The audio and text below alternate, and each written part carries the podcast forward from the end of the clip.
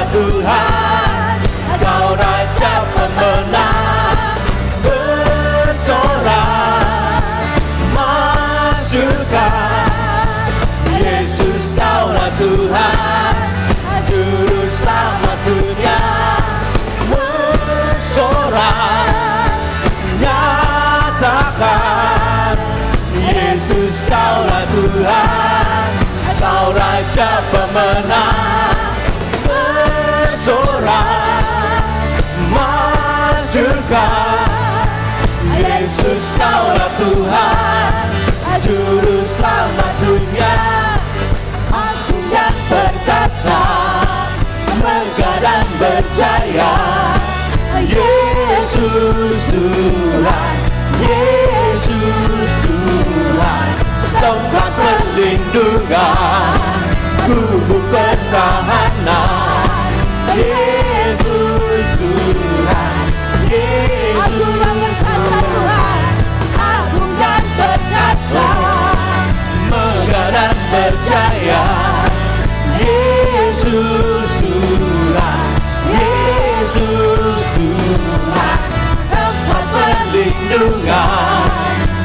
tubuh pertahanan Yesus Tuhan Yesus Tuhan.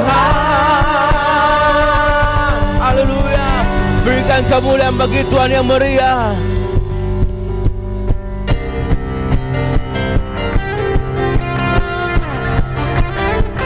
Engkau yang termulia di bumi di surga Termasyur perkasa selamanya. Engkau yang berkuasa di dalam segala hal. Ada kuasa dalam Amin. Katakan sekali lagi Engkau yang terindah Engkau yang termulia di bumi di surga. Termasyur perkasa selamanya berkuasa. Di dalam segala hal ada kuasa dalam nama Yesusku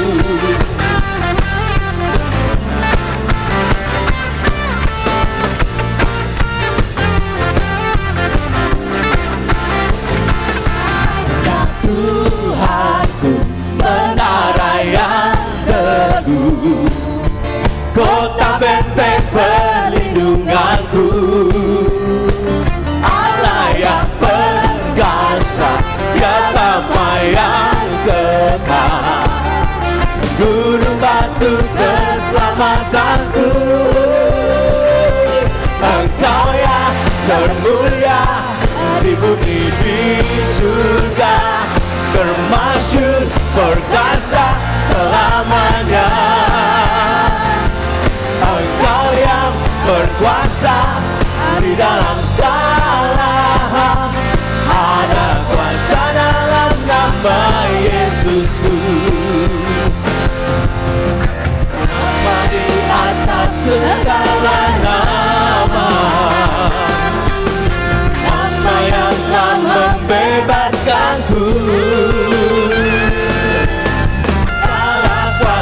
tunduk pada nama itu. Yesus Tuhan segala Tuhan. Nama Nama di atas segala nama. Nama yang telah membebaskanku Segala kuasa tunduk pada nama itu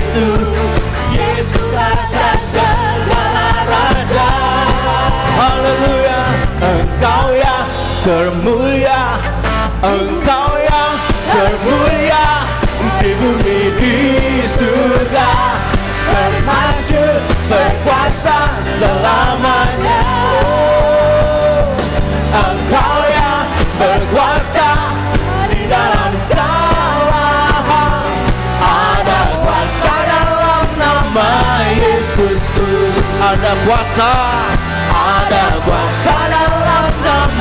Yesusku Ada kuasa Ada kuasa dalam nama Yesusku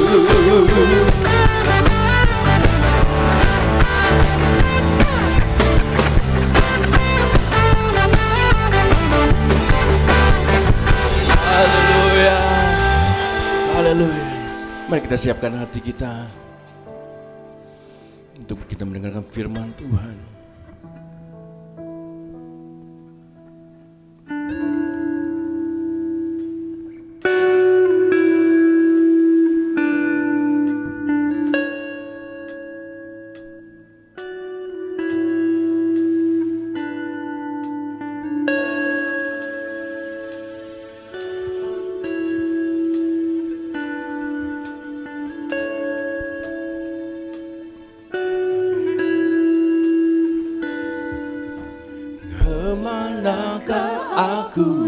Dapat pergi Menjauhi rohmu yang suci. Kau sahabat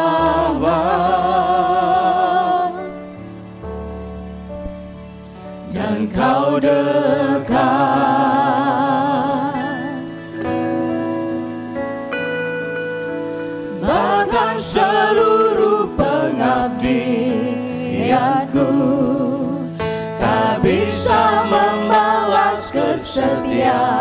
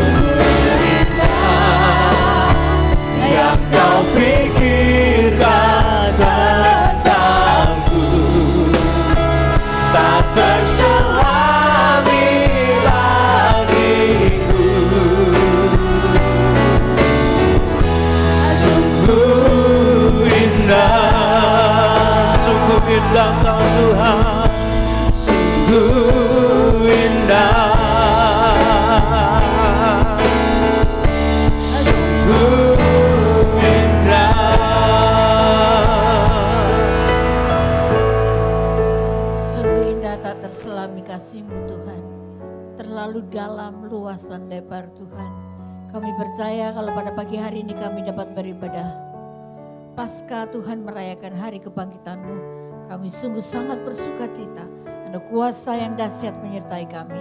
Engkau berkati ibadah pada pagi hari ini dari awal pertengahan hingga akhirnya. Di mana pun jemaatmu berada, engkau berada bersama dengan mereka semua. Kuduskan dan layakkan hambamu Tuhan yang sebentar akan membawakan sebagian daripada kebenaran firman Allah. Biar kuasa Allah terus menyertai kami semua. Namamu dipermuliakan. Terima kasih Tuhan Yesus yang baik. Hanya dalam nama Tuhan Yesus kami berdoa dan mengucap syukur. Haleluya. Amin. Pertama-tama saya ucapkan selamat Paskah. Peringatan hari kebangkitan Tuhan Yesus Juru Selamat kita. Disertai dengan ulang tahun Gereja Bethel Indonesia FLC Komunitas Patmos yang ke-33. Saudara yang di rumah ingat semua? Haleluya. Shalom saudara-saudara. Jemaat saat ini ada di rumah masing-masing, betul? Tidak ada yang jalan-jalan, semua ada di rumah masing-masing. Ada sesuatu yang rasa kurang dan memang agak aneh kalau kita beribadah dan tidak ada jemaat yang hadir saudara-saudara.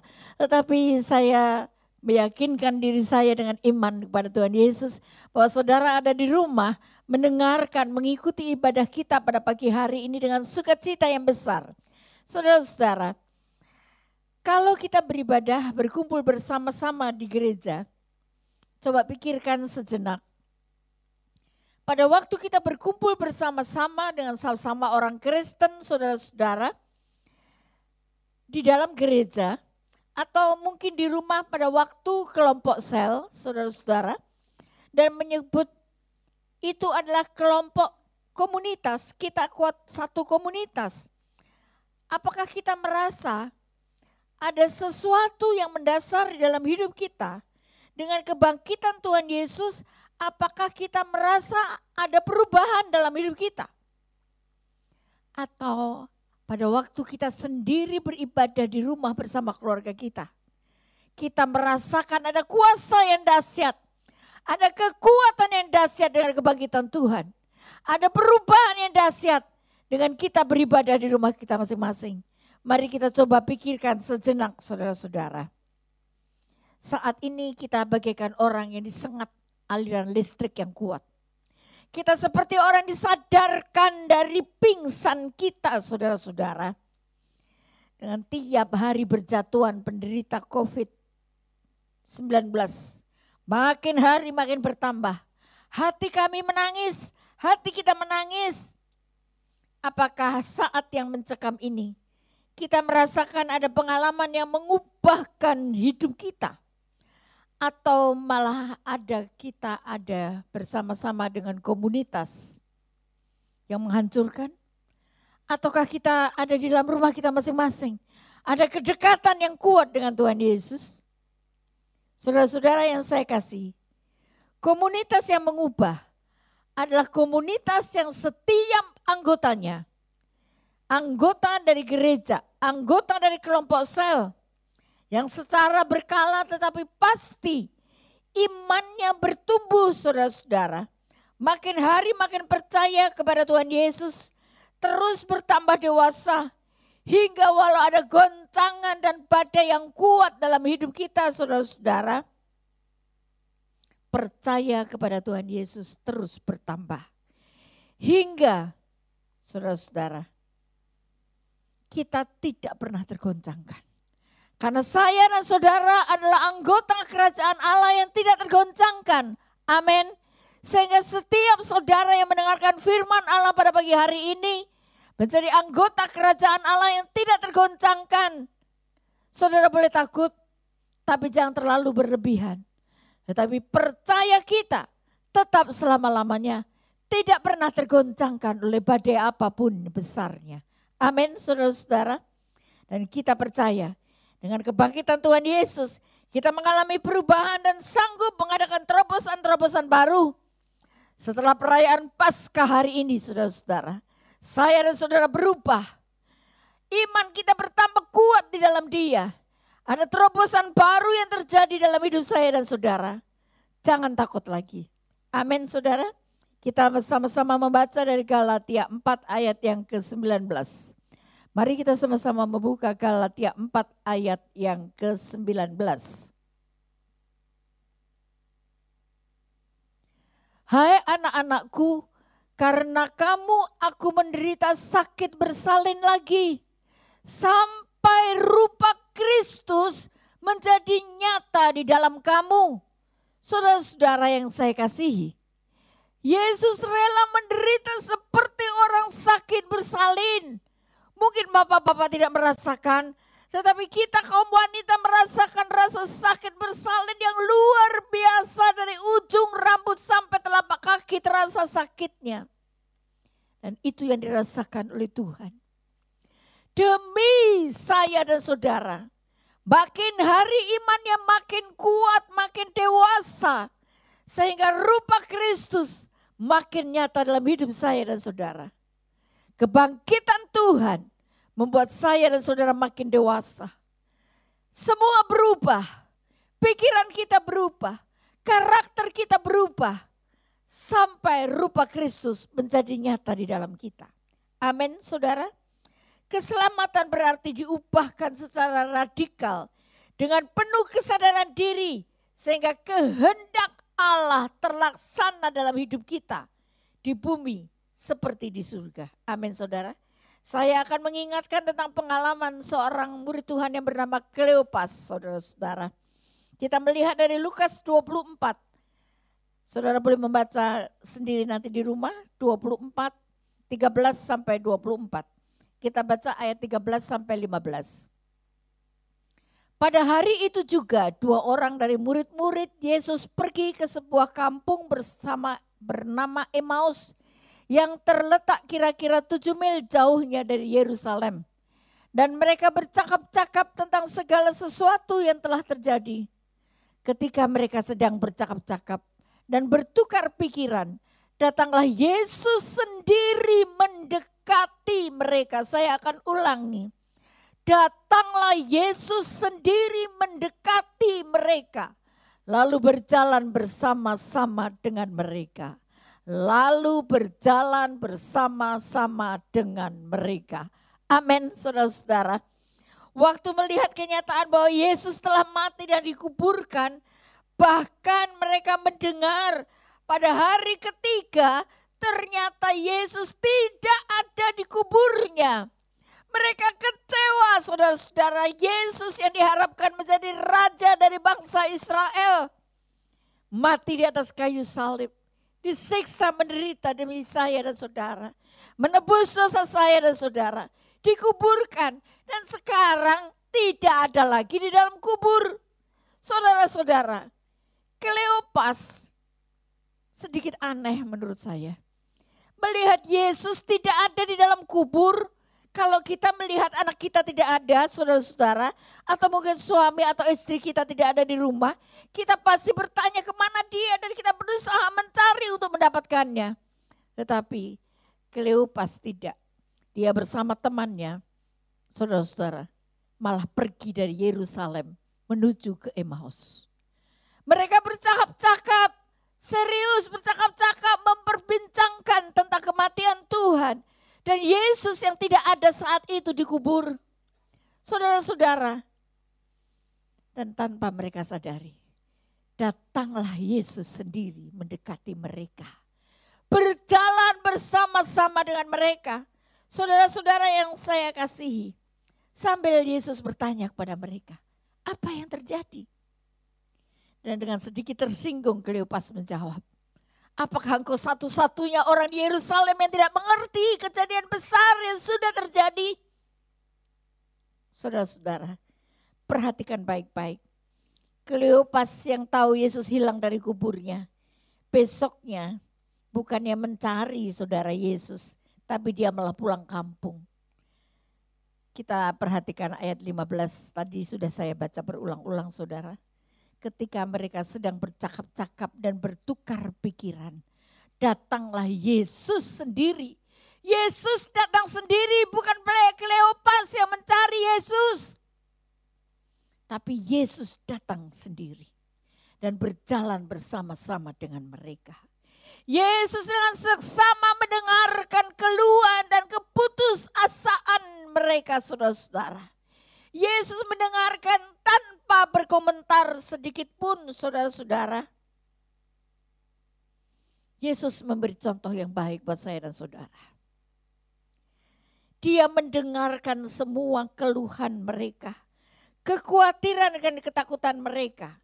Mereka sama sekali tidak sadar bahwa yang mereka ajak bicara adalah Yesus yang sudah bangkit. Mengalahkan maut saudara-saudara. Bahkan kunci alam maut dia yang memegangnya. Saudara-saudara yang saya kasihi.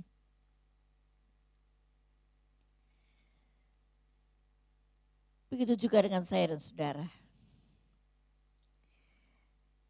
Kalau ada orang yang sakit, tidak perlu kita menasehati macam-macam.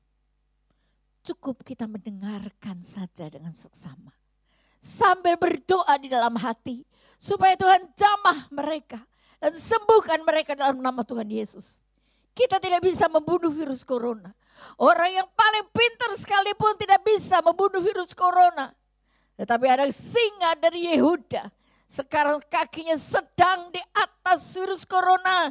Dan sebentar lagi selepaskan menginjakkan kakinya membunuh virus corona sampai habis. Dari utara ke selatan, dari barat ke timur.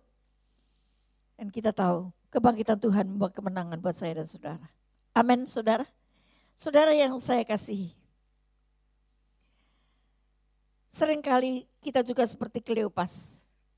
Ketika ketakutan yang sangat kepanikan dan keputusasaan kita alami. Kita sibuk berdiskusi seakan-akan kita lebih ahli dari ahli virus corona, saudara-saudara. Menasehati, memperbincangkan dengan sangat serius, saudara-saudara. Tanpa menyadari bahwa Yesus selalu ada di samping kita. Roh Kudus selalu ada di dalam kita. Dia yang memberi kekuatan dan penghiburan kepada kita semua. Dia ada bersama dengan kita. Amin saudara. Karena itu pada kesempatan pagi ini saya berdoa supaya setiap kita sadar bahwa tidak perlu terlalu takut. Takut memang ya, tapi tidak perlu terlalu takut. Terlalu panik saudara-saudara dan putus asa. Karena Yesus yang sudah bangkit itu yang mengalahkan maut. Yesus yang berkuasa itu ada di samping kita, berjalan selalu bersama dengan kita, tidak pernah meninggalkan kita. Dia ada bersama dengan kita, saudara-saudara. Hingga pada kebangkitan Tuhan ini, kita merasakan, kita tahu, kita percaya. Ada perubahan dari sikap kita. Kita tidak perlu takut lagi. Kita jadi bersemangat, bersuka cita.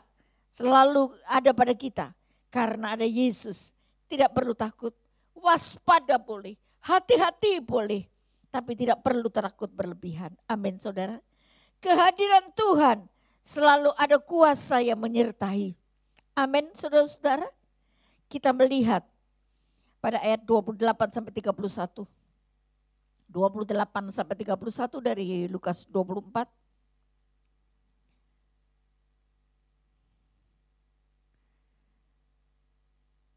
mereka mendekati kampung yang mereka tuju. Lalu ia berbuat seolah-olah mereka meneruskan perjalanannya. Tetapi mereka sangat mendesaknya katanya. Tinggallah bersama-sama dengan kami, sebab hari telah menjelang malam dan matahari hampir terbenam. Lalu masuklah ia untuk tinggal bersama-sama dengan mereka. Waktu ia duduk makan dengan mereka, ia mengambil roti, mengucap berkat, lalu memecah-mecahkannya dan memberikannya kepada mereka. Ketika itu apa yang terjadi? Terbukalah mata mereka dan mereka pun mengenal dia. Tetapi ia lenyap dari tengah-tengah mereka. Saudara-saudara, mari pada pagi hari ini ada sukacita yang sangat sempurna di dalam hidup kita karena kebangkitan Tuhan. Mata kita terbuka, dia benar-benar hidup. Hidup dari dulu sekarang hingga selama-lamanya Dan dia berjanji menyertai kita hingga kesudahan alam ini. Karena itu saudara-saudara yang saya kasih, ada perubahan yang terjadi dengan kebangkitan Tuhan. Kita menjadi tetap bersemangat seperti pada waktu Kleopas dan temannya tahu bahwa itu tadi Yesus yang bersama dengan kita. Mereka spontan segera kembali ke Yerusalem dengan bersemangat. Pagi hari ini saya harap dengan kebangkitan Tuhan, saya dan saudara kembali bersemangat bersemangat dengan sukacita mengabarkan bahwa Yesus yang kita sembah adalah Tuhan yang hidup. Amin saudara-saudara. Karena itu kita tidak perlu takut yang berkelebihan. Kehadiran Tuhan selalu ada kuasa. Amin. Mari kita mohon kehadiran Tuhan terus menerus sepanjang hidup kita. Dia sudah bangkit dan hidup sampai saat ini bahkan selama-lamanya. Karena itu kehadirannya pasti disertai kuasa yang tidak terkalahkan. Tuhan beserta dengan kita sampai selama-lamanya. Jangan pernah ragu lagi saudara-saudara. Dia bersama dengan kita selama-lamanya. Pada waktu Tuhan Yesus mengadakan perjamuan kudus saudara-saudara. Karena itu jangan pernah tinggalkan perjamuan kudus. Beribadah bersama-sama saudara-saudara. Supaya kita selalu sadar, terbuka mata kita bahwa Yesus yang kita sembah adalah Yesus yang hidup. Kita sama-sama menyanyikan tinggal bersamaku. Seperti perkataan kalimat daripada kalimat dari Kleopas kepada Tuhan Yesus. Tinggal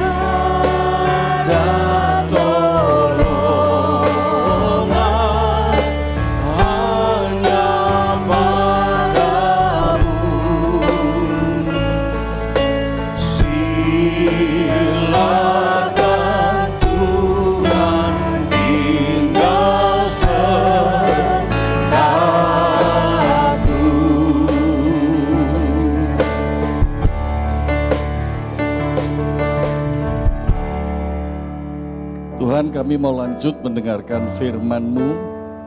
Kami percaya apa yang telah terjadi pada waktu Tuhan bangkit dan ada bersama-sama dengan Kleopas dan kawannya yang sedang gelisah, kecewa karena tidak melihat lagi Yesus ada di dalam tempat kubur.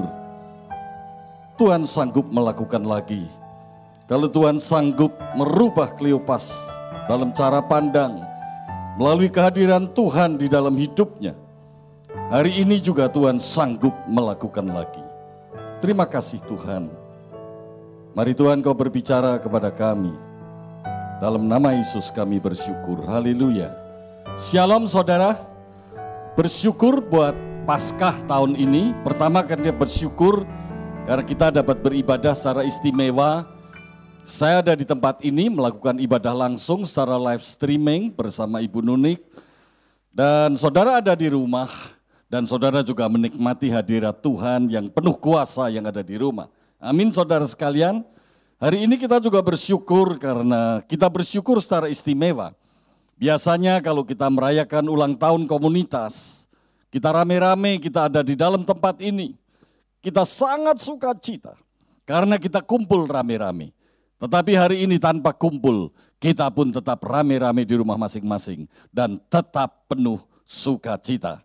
Sebab itu saya mengucapkan selamat berulang tahun buat komunitas Patmos, GBI Family Life Center yang ke-33.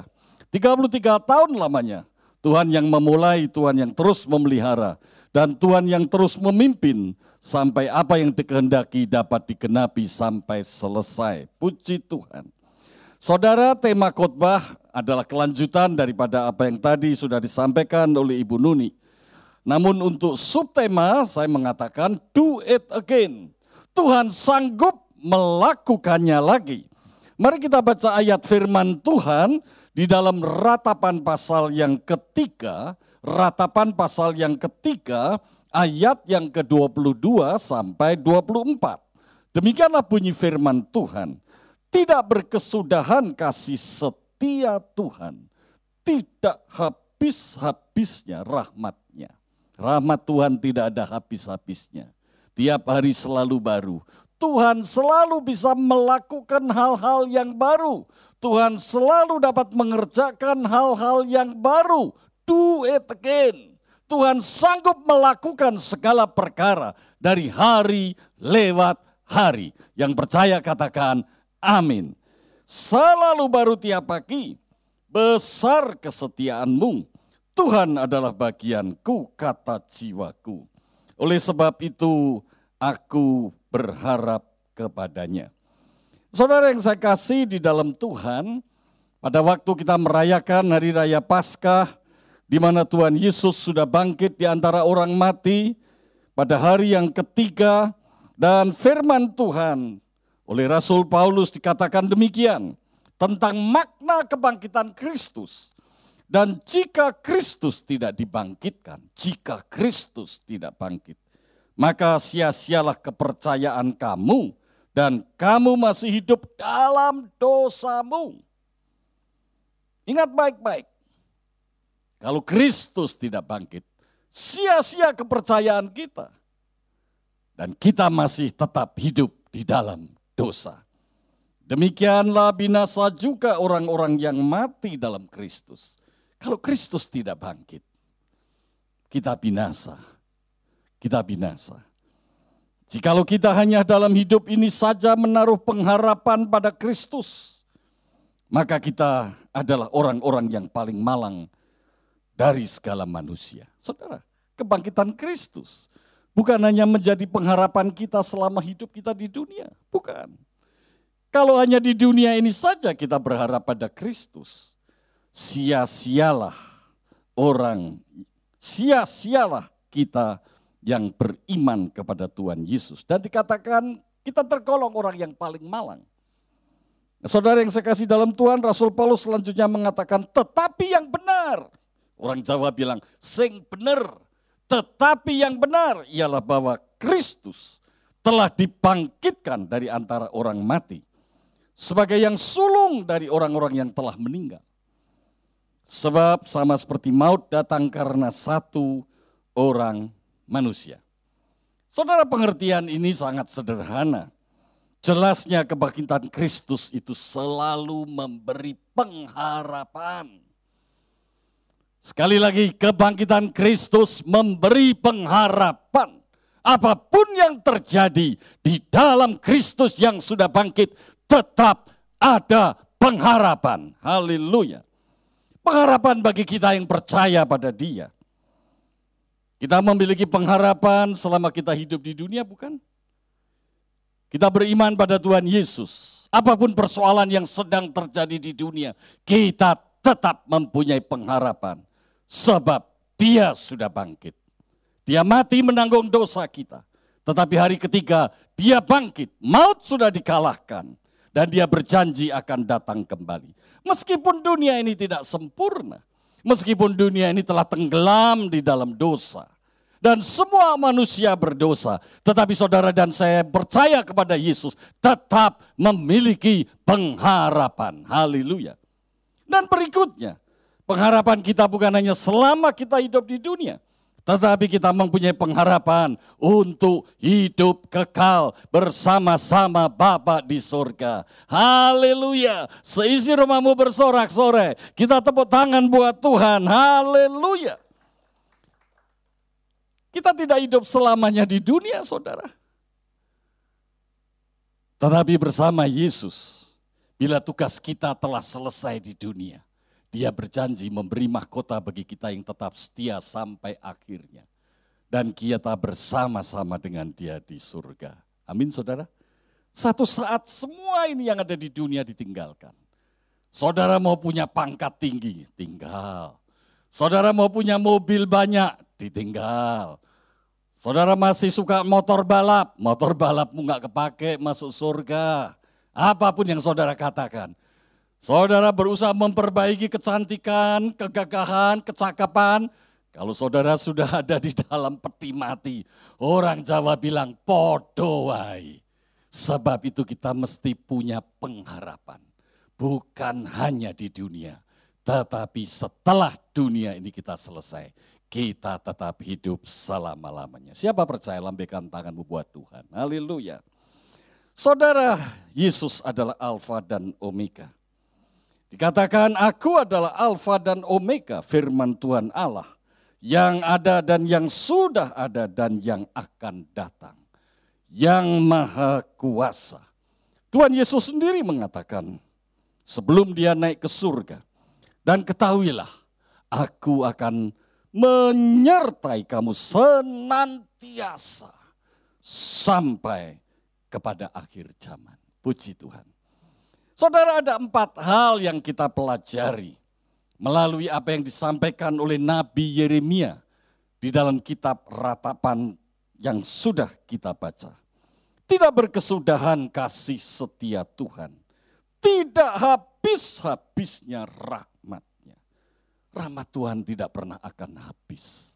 Rahmat Tuhan tidak ditentukan oleh situasi. Dikatakan setiap pagi baru ada COVID-19 yang menjadi masalah di seluruh dunia. Terutama para ahli kesehatan. Bagaimana cara mengatasinya? Meskipun para ahli kesehatan belum dapat mengatasi. Meskipun pimpinan negara, pimpinan pemerintahan belum dapat mencegah mengatasi penyebarannya. Berusaha supaya penyebarannya itu segera dapat dihentikan apakah dengan herd immunity dan sebagainya. Tapi yang jelas semua berusaha. Negara adidaya pun mencoba berusaha tetapi belum menunjukkan hasil yang signifikan. Tetapi tetap percaya dalam situasi sesulit apa pun, rahmat Tuhan selalu baru setiap pagi karena dia sudah bangkit di antara orang mati. Haleluya. Tuhan adalah bagianku, kata jiwaku. Oleh sebab itu aku berharap kepadanya.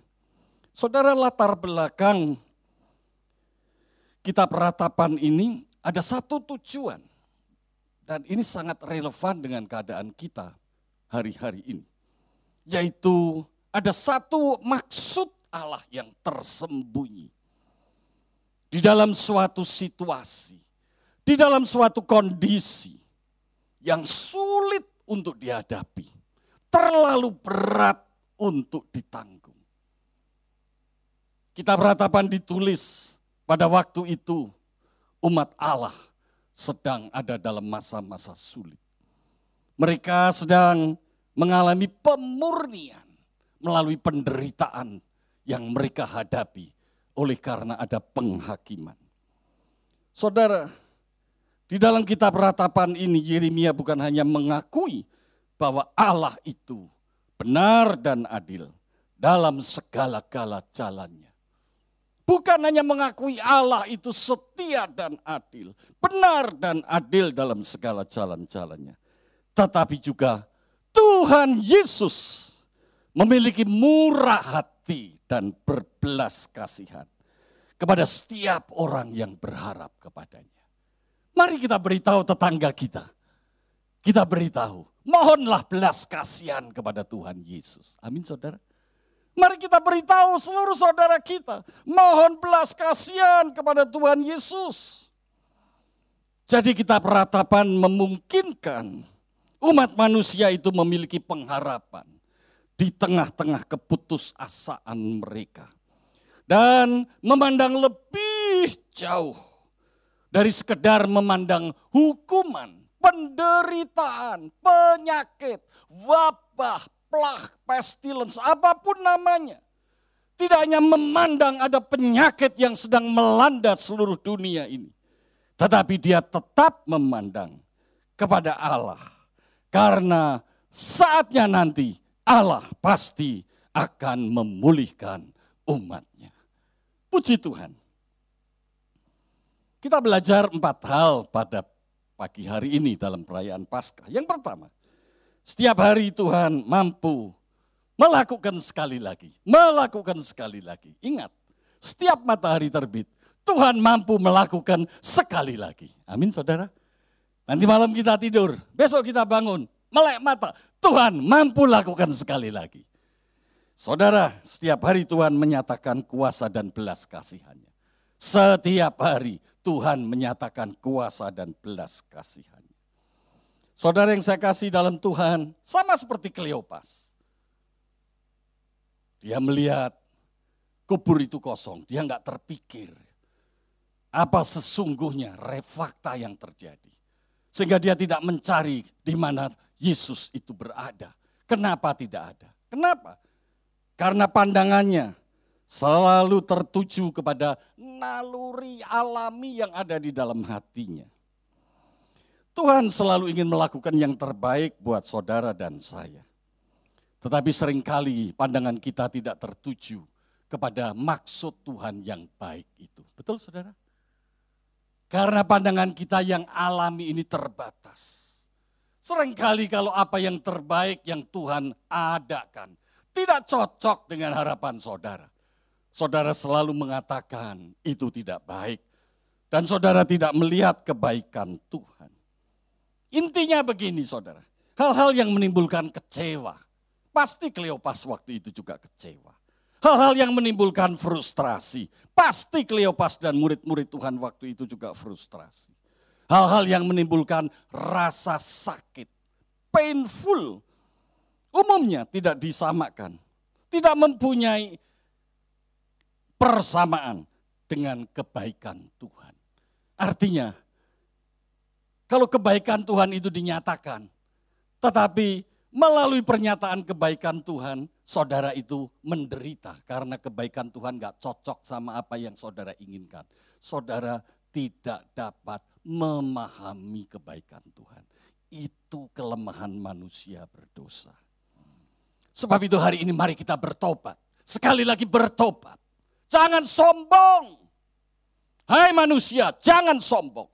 Bertobat, Bersungkurlah di hadapan Tuhan. Percayalah Yesus, dia Alfa dan Omega. Dia yang sama hari ini, esok, sampai selama-lamanya. Dia sudah bangkit di antara orang mati. Akuilah, logika kita terbatas. Saya masih sering mendengar orang itu terlalu bangga menyombongkan logikanya. Manusia dibentuk Tuhan, diberi otak untuk berlogika. Tapi ingat logika kita harus kita tundukkan pada iman percaya kita kepada Tuhan Yesus. Pandanganmu terbatas, pandanganku terbatas. Pemahamanmu terbatas, pemahamanku juga terbatas. Jangan baca Alkitab hanya dengan logika. Bacalah Alkitab dengan rendah hati. Biarlah roh kudus yang menuntun logikamu untuk memahami kebenaran firman Tuhan. Saudara saya ingin katakan setiap hari Tuhan yang sudah bangkit sanggup menyediakan belas kasihannya. Seperti dia hadir di tengah-tengah orang yang sedang murid-murid yang sedang frustrasi pada waktu hari kebangkitannya. Dan mendatangkan pengenalan yang baru bahwa Yesus sudah bangkit. Dan pengenalan itu membawa dampak yang luar biasa. Haleluya. Setiap hari tersedia belas kasihan yang baru dan fresh dari Tuhan Yesus. Yang kedua, kebangkitan Yesus adalah jaminan hari esok. Kebangkitan Yesus adalah jaminan masa yang akan datang. Saudara, keyakinan akan jaminan hari esok itu sangat penting sementara kita hidup di dunia ini. Saudara, seperti yang saya katakan tadi, dorongan alami dalam hati kita adalah selalu ingin cukup. Cukup. Setiap kali melek mata pengen hari ini cukup. Hidupku nggak ada susah, hidupku nggak ada kurang, hidupku nggak ada sakit. Selalu begitu. Bapak juga begitu. Bodoh baik. Kalau nggak beriman pada Tuhan Yesus, naluri alami saya juga sama saja. Selalu apa pun sudah merasa pengen cukup dan sanggup cukup tersedia untuk menghadapi masa-masa yang akan datang. Saudara di dalam Matius pasal 6 ayat 34. Tuhan Yesus mengatakan begini, kesusahan sehari cukuplah untuk hari itu. Amin saudara. Apa artinya saudara? Kata cukup itu apa artinya? Enough is enough. Kata cukup itu apa saudara? Untuk hari esok, ada belas kasihan Tuhan yang baru. Amin saudara. Beri tepuk tangan buat Tuhan. Untuk hari esok ada belas kasihan yang baru. Jadi persediaan itu kalau kita mengandalkan Tuhan Yesus, resources itu tidak ada batasnya. Terus kenapa saudara merasa terbatas? Karena kepengen cukup. Untuk besok harus hari ini sudah ada. Padahal Tuhan ajarkan, untuk besok Tuhan baru adakan besok. Perasaan cukup hari ini kita bawa sampai besok. Ntar besok Tuhan kasih lagi. Amin saudara. Tuhan sanggup mengadakan semua yang kau perlukan. Hari ini, esok dan selalamanya. Belas kasihan hari ini adalah cukup untuk beban hari ini belas kasihan Tuhan hari Minggu ini cukup untuk hari Minggu ini. Tuhan Yesus ingin keyakinan tentang jaminan jaminan hari esok adalah dengan mempercayai. Untuk besok, saudara cukup berserah dan percaya pada Tuhan. Amin saudara. Meskipun tidak ada, tapi berserah percaya pada Tuhan. Tuhan sanggup adakan. Saudara, Elia datang ke rumah seorang janda. Janda itu habis-habisan gak punya apa-apa pada waktu itu. Tetapi Tuhan cukupkan. Amin saudara. Makan hari ini habis. Besok sudah gak ada makanan lagi. Tapi janda itu lakukan apa yang terbaik buat Tuhan. Besok Tuhan sediakan. Beri tepuk tangan buat Tuhan.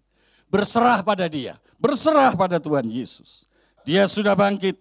Dia mampu merobohkan tembok-tembok yang ada di sekeliling kita. Yang ketiga saudara, kesusahan sehari cukuplah untuk sehari. Saudara Tuhan Yesus setiap hari menyediakan kepada kita apa yang dia anggap terbaik dengan penuh kasih. Rasul Paulus memahami dan menghayati ini dengan iman kepada Tuhan Yesus. Mengatakan di dalam 1 Korintus 10 ayat 13, pencobaan-pencobaan yang kamu alami ialah pencobaan-pencobaan biasa buat orang Kristen itu biasa. Ojo panik.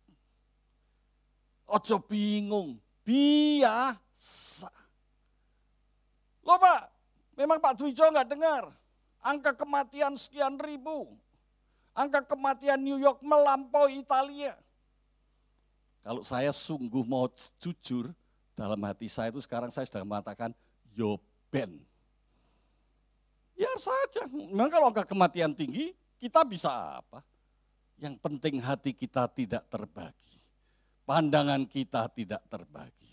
Kita tetap melihat Yesus yang sudah bangkit. Dia sanggup melakukannya lagi. Do it again. Saudara, pencobaan-pencobaan itu tidak melebihi kekuatan manusia. Sebab Allah setia dan karena itu ia tidak akan membiarkan kamu dicobai melampaui kekuatanmu. Pada waktu kamu dicobai, ia akan memberikan kepadamu jalan keluar. He can do it again. Amin saudara. Mari katakan bersama-sama. Yesus dapat melakukan lagi. Satu, dua, tiga. Yesus dapat melakukan lagi. Sehingga kamu dapat menanggungnya. Kita dapat menanggung bukan ngumpulin semuanya hari ini cukup untuk besok. Tidak. Kita dapat menanggungnya. Karena hari ini kita berserah pada Tuhan. Kita bersyukur pada Tuhan. Besok Tuhan akan sediakan yang baru. Kita besok pun juga mengawali hidup dengan berserah dan bersyukur kepada Tuhan. Saudara, Tuhan tidak akan memberikan belas kasihan hari ini untuk menanggung beban besok. Setiap hari ada belas kasihannya sendiri sendiri. Saudara percaya? Yang ketiga, Yesus bangkit, kasih setianya baru setiap hari. Saya timbul satu perenungan, mengapa? Mengapa kasih setia yang baru disediakan setiap pagi? Mengapa Tuhan memilih melakukannya seperti itu? Saya jadi ingat waktu umat pilihan Allah bangsa Israel melintasi padang padang gurun dan mereka berharap ada makan, ada minum, ada daging, ada yang semua mereka butuhkan. Kebutuhan-kebutuhan pokok itu tersedia setiap hari dan Tuhan memberikannya itu. Saudara masih ingat? Mana? Wah mana? Seperti mana di hutan belantara cukup untuk setiap hari. Kita tidak bisa menyimpannya dalam semalam. Mana itu kalau semalam sudah jadi busuk. Hari itu mereka harus pungut. Setiap hari mereka pungut makan secukupnya. Makan pasti cukup, kenyang, pasti kenyang. Cukup. Tapi kemudian berhenti. Besok lagi, saya terus pikir-pikir Tuhan itu luar biasa. Rupanya Tuhan tahu sifat alami manusia itu geragas. Tahu geragas saudara? Rakus. Makanya Tuhan didik kita untuk mencukupkan setiap hari. Jangan rakus. Hidup itu jangan rakus. Jadi suami jangan rakus. Jadi istri jangan rakus jadi pelayan Tuhan juga jangan rakus. Hidup kita bergantung pada Tuhan. Ciri orang bergantung pada Tuhan, hidupnya tidak untuk dirinya sendiri. Hidupnya tidak rakus perhatian. Bertobatlah yang rakus hari ini. Dalam nama Yesus. Kalau engkau bertobat, dosamu diampuni. Saudara kita hidup bergantung kepada Tuhan hari demi hari. Yang kita butuhkan hari ini bukanlah kekuatan masa depan, tetapi keyakinan hari ini bahwa besok ada Tuhan Yesus yang sudah bangkit, mampu melakukannya lagi, memberikan belas kasihannya yang baru buat kita. Dan itu yang akan mencukupkan untuk hari esok dan selanjutnya. Saudara percayalah Yesus bangkit, ada pengharapan. Amin saudara. Yang terakhir, Yesus bangkit berarti ada pengharapan. Yesus bangkit, ada pengharapan. Saudara iman berdiri di atas janji Allah dan menunggu serta berharap dalam kelemahan, kerendahan hati, dan kedamaian. Ini aplikasinya. Kalau saudara percaya ada pengharapan dalam kebangkitan Yesus, imanmu makin kokoh. Dan kekokohan iman itu karena saudara mengalami perubahan karakter. Karakter dan iman berjalan sebanding. Tidak mungkin saudara punya iman besar sementara karaktermu masih serakah. Omong kosong. Tidak mungkin saudara punya iman kuat sementara engkau masih mementingkan diri sendiri. Yang saya sebut geragas bahasa Jawanya tadi. Tidak mungkin, tidak mungkin. Tidak mungkin imanmu seperti iman yang ditulis di Alkitab. Sementara engkau masih ego Wis. Iman berdiri di atas janji Allah. Dan menunggu serta berharap.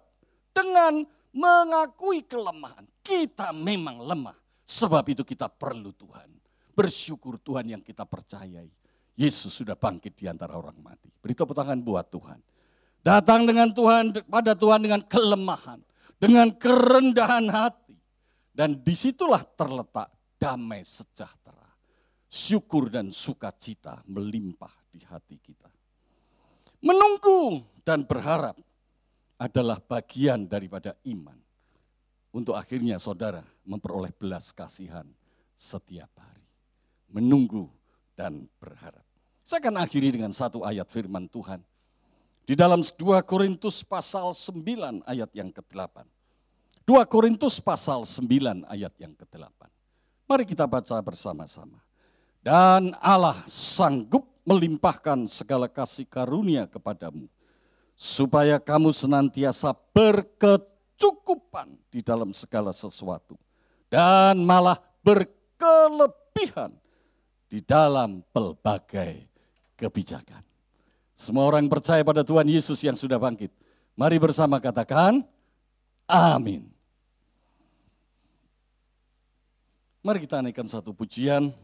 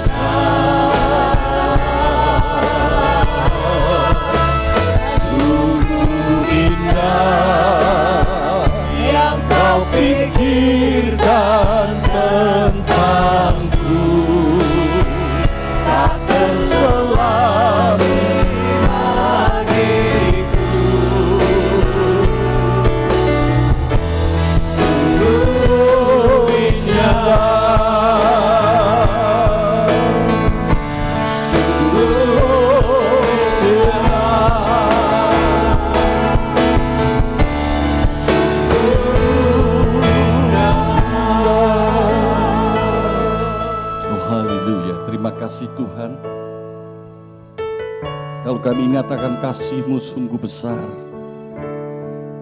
Jujur Tuhan kami tidak dapat menyelam. Tapi kami bersyukur kami diberi pengertian.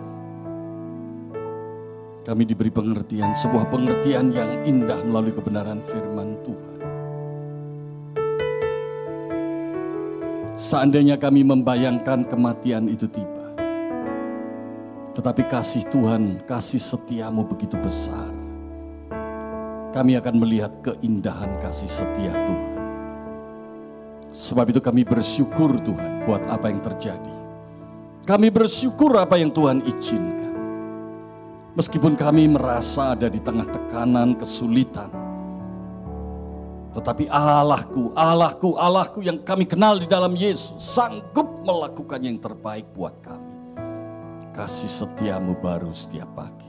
Orala pasikiara lapa. Sididik kiara lapa lapa las. Kiara lapa lapa las. Kiara lapa lapa lapa las. Kiara lapa lapa lapa las. Terima kasih Tuhan. Terima kasih Tuhan. Haleluya. Terima kasih. Syukur bagimu. Haleluya. Haleluya.